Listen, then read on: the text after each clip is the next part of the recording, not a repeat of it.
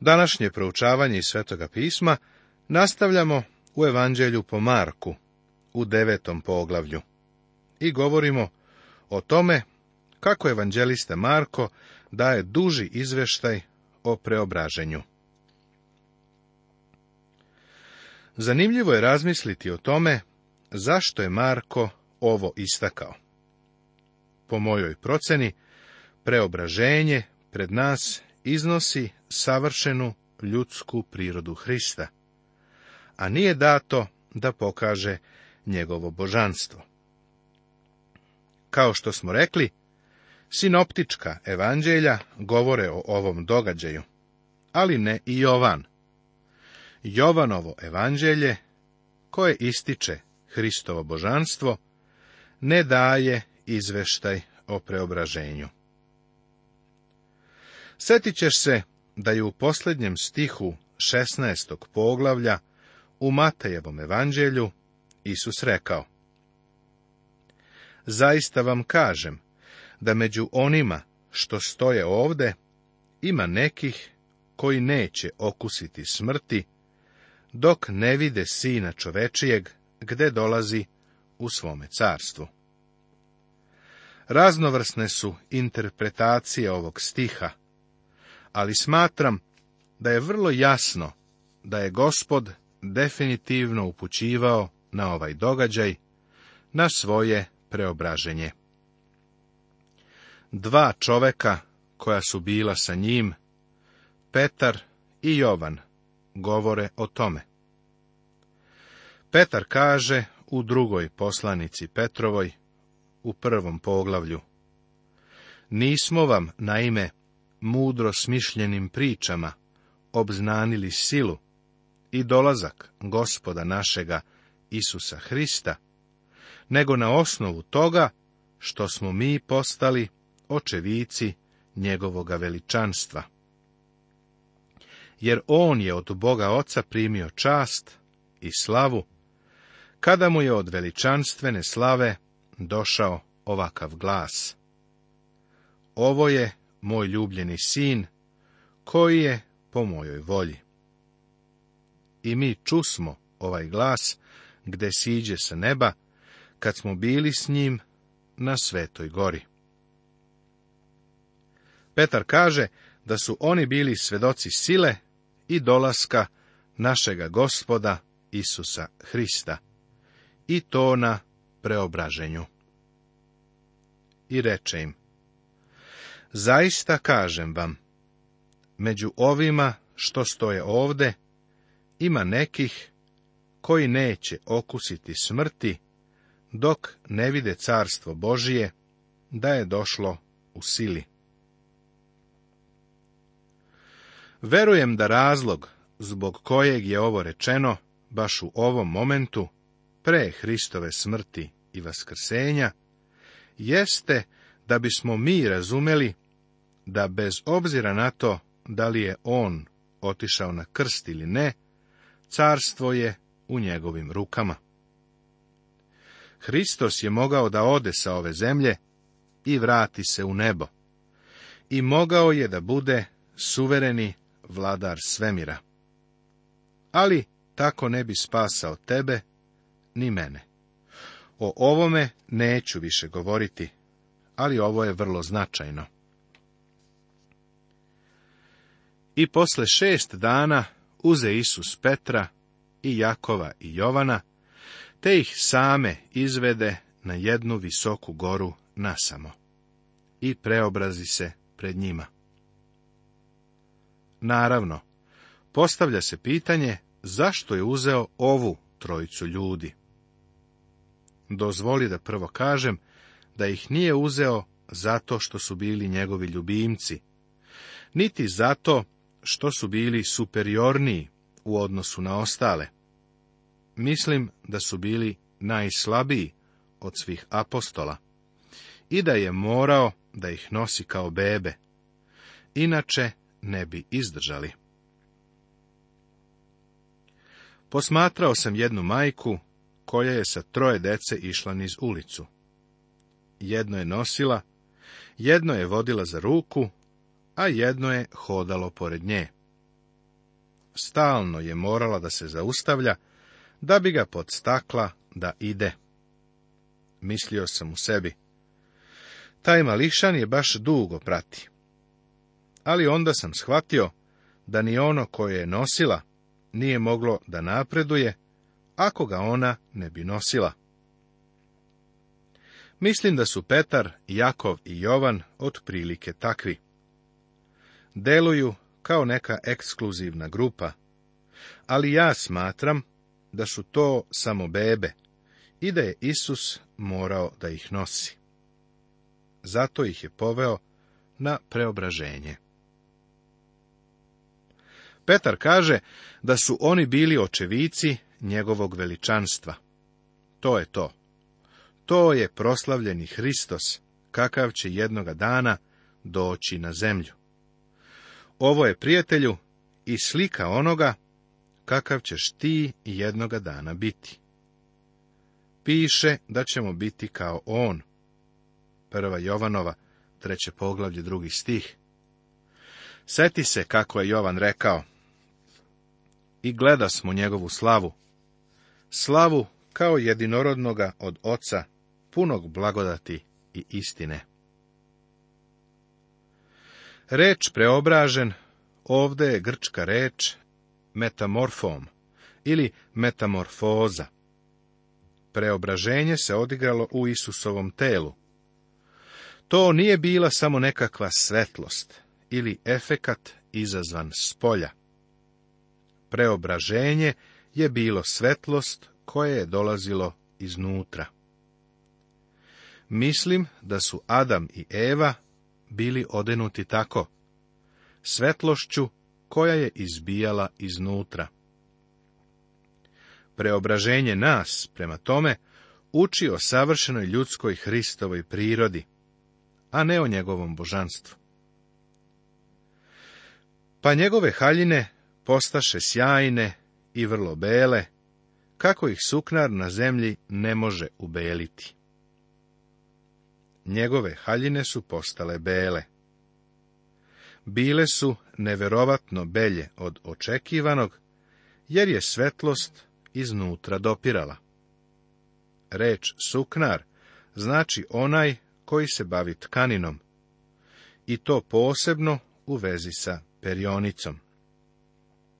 Drugim rečima, nikakvo današnje čudo u pranju ne bi moglo da proizvede takvu sjajnost. Sve to je poteklo iznutra. I pojavi im se Ilija sa Mojsijem, te razgovarahu sa Isusom. Ilija je predstavnik proroka. Mojsije je predstavnik zakona. Znamo da su i zakon i proroci svedočili o Isusovoj smrti. Luka nam kaže da su govorili o Isusovoj smrti. Znamo da je Mojsije znao za Hrista, jer u poslanici Jevrejima u 11. poglavlju o Mojsiju piše ovako. Jer je Hristovu porugu smatrao većim bogatstvom od blaga egipatskog. Imao je naime u vidu uzvraćanje nagradom. Mojsije je znao da Isus dolazi. Svi proroci su govorili o njegovoj patnji i slavi koja će uslediti. A Petar prozbori i reče Isusu, Ravi, dobro je da smo ovde, da načinimo tri senice, jednu tebi, jednu Mojsiju i jednu Iliji. Nije naime znao šta da kaže, jer behu vrlo uplašeni. Petar je i ovde govorio u ime grupe, kao i obično. Simon Petar je, uopšteno gledajući, govorio kad god nije znao šta treba da kaže. Mislim da je stalno govorio što nije trebalo, a i ovde je to učinio. I dođe oblak, te ih zakloni, a iz oblaka se ču glas. Ovo je sin moj ljubljeni, njega slušajte. Sva pažnja je usmerena na gospoda Isusa Hrista. Njegova reč je konačna. Mojsija i Iliju ne možemo izjednačavati sa njim. I odjednom, obazrevši se, nikoga više ne videše nego Isusa sama uz sebe. Da kažem da je Isusa sama izvanredan deo rečenice, zar ne? Ovo nije istaknuto samo u Markovom evanđelju, nego treba da bude istaknuto u životu današnjih vernika. Tako sažeto on iznosi tako divne i ozbiljne reči, samo Isus. A kada su silazili sa gore, zapovedi im da nikome ne propovedaju šta su vidjeli, dok sin čovečiji ne ustane iz mrtvih. Vidiš, Isusova smrt i vaskrsenje idu uz ovu priču. Preobraženje nikoga ne spasava. Ono predstavlja ideal ili cilj. Ali cilj se može postići jedino kroz Hristovu smrt na krstu i kroz vaskrsenje iz mrtvih. I primetit ćeš da on uvek zajedno govori o svojoj smrti i vaskrsenju. I držahu čvrsto tu reč, raspravljajući među sobom šta to znači ustati iz mrtvih. Oni o vaskrsenju nisu ništa znali. U vreme Isusovog vaskrsenja otrčali su na groblje, ali nisu očekivali da će vidjeti živog spasitelja. Na groblje ne ideš da vidiš živog čoveka, nego da odaš poštu mrtvome. I pitahu ga govoreći, zašto književnici kažu da Ilija treba prvo da dođe. No on im reče, Ilija će prvo doći i sve uspostaviti. A kako je pisano za sina čovečijeg, da treba mnogo da postrada i da bude prezren. Ali vam kažem da je Ilija došao i postupiše s njim kako htedoše, kao što je napisano za njega.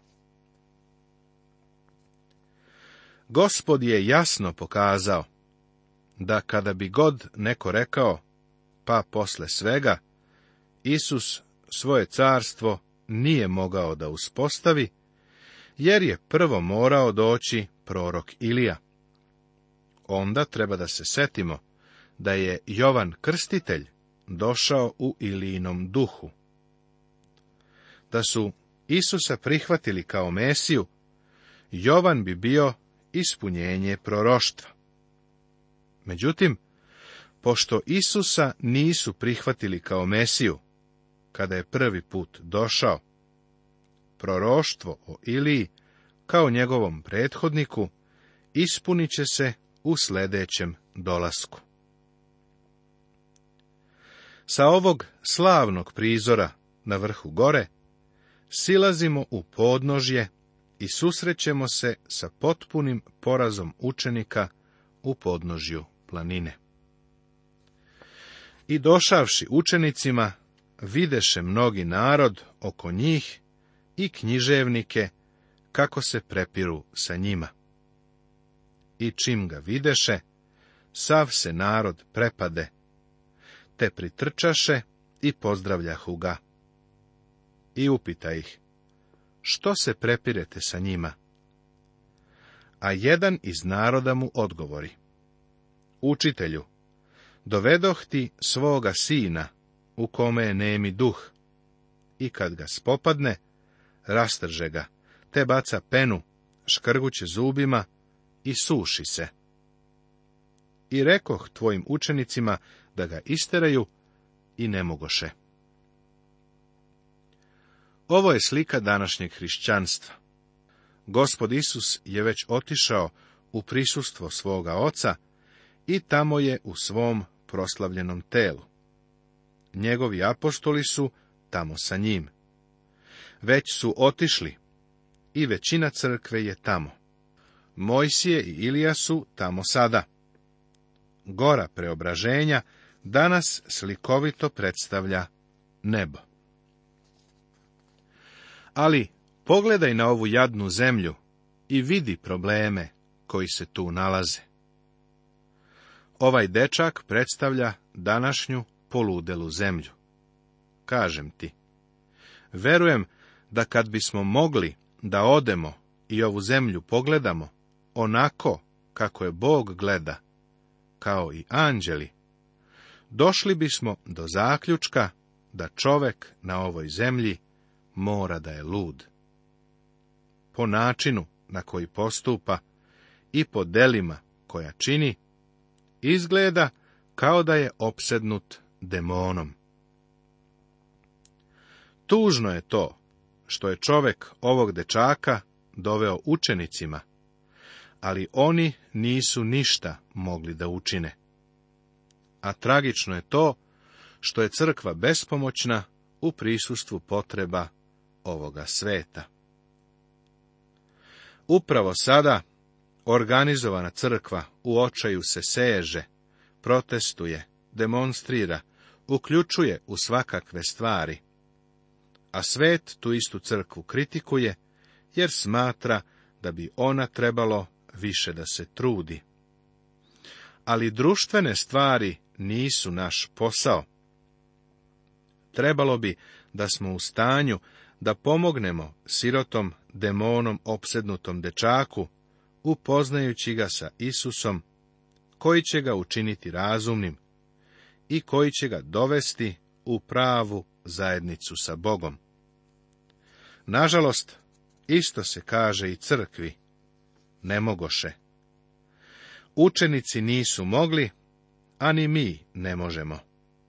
Zato gospod Isus kaže a on im odgovori i reče, O neverni rode, dokle ću biti sa vama? Dokle ću vas podnositi? Dovedite ga k meni. Kakva divna izjava! Dovedite ga k meni. Trudimo se da uradimo sve, osim da izgubljene ljude dovodimo Isusu Hristu. I dovedoše mu ga a kada ga duh vide, odmah rastrza dečaka, te pade na zemlju i valjaše se, bacajući penu. Tada zapita njegovog oca, koliko ima vremena kako mu se to dogodilo? A on reče, od detinjstva, i često ga baci u vatru i u vodu, da ga upropasti. Nego ako što možeš, smiluj se na nas i pomozi nam. Ovo je, prijatelju, jadan slučaj. Možda nije onako loš kao onaj čovek među grobovima u Gadari, jer je to bio odrastao čovek i već dugo opsednut demonima. Ovo je bio dečak, ali da se ovo njegovo stanje nastavilo, bio bi verovatno u gorem stanju od onog drugog slučaja.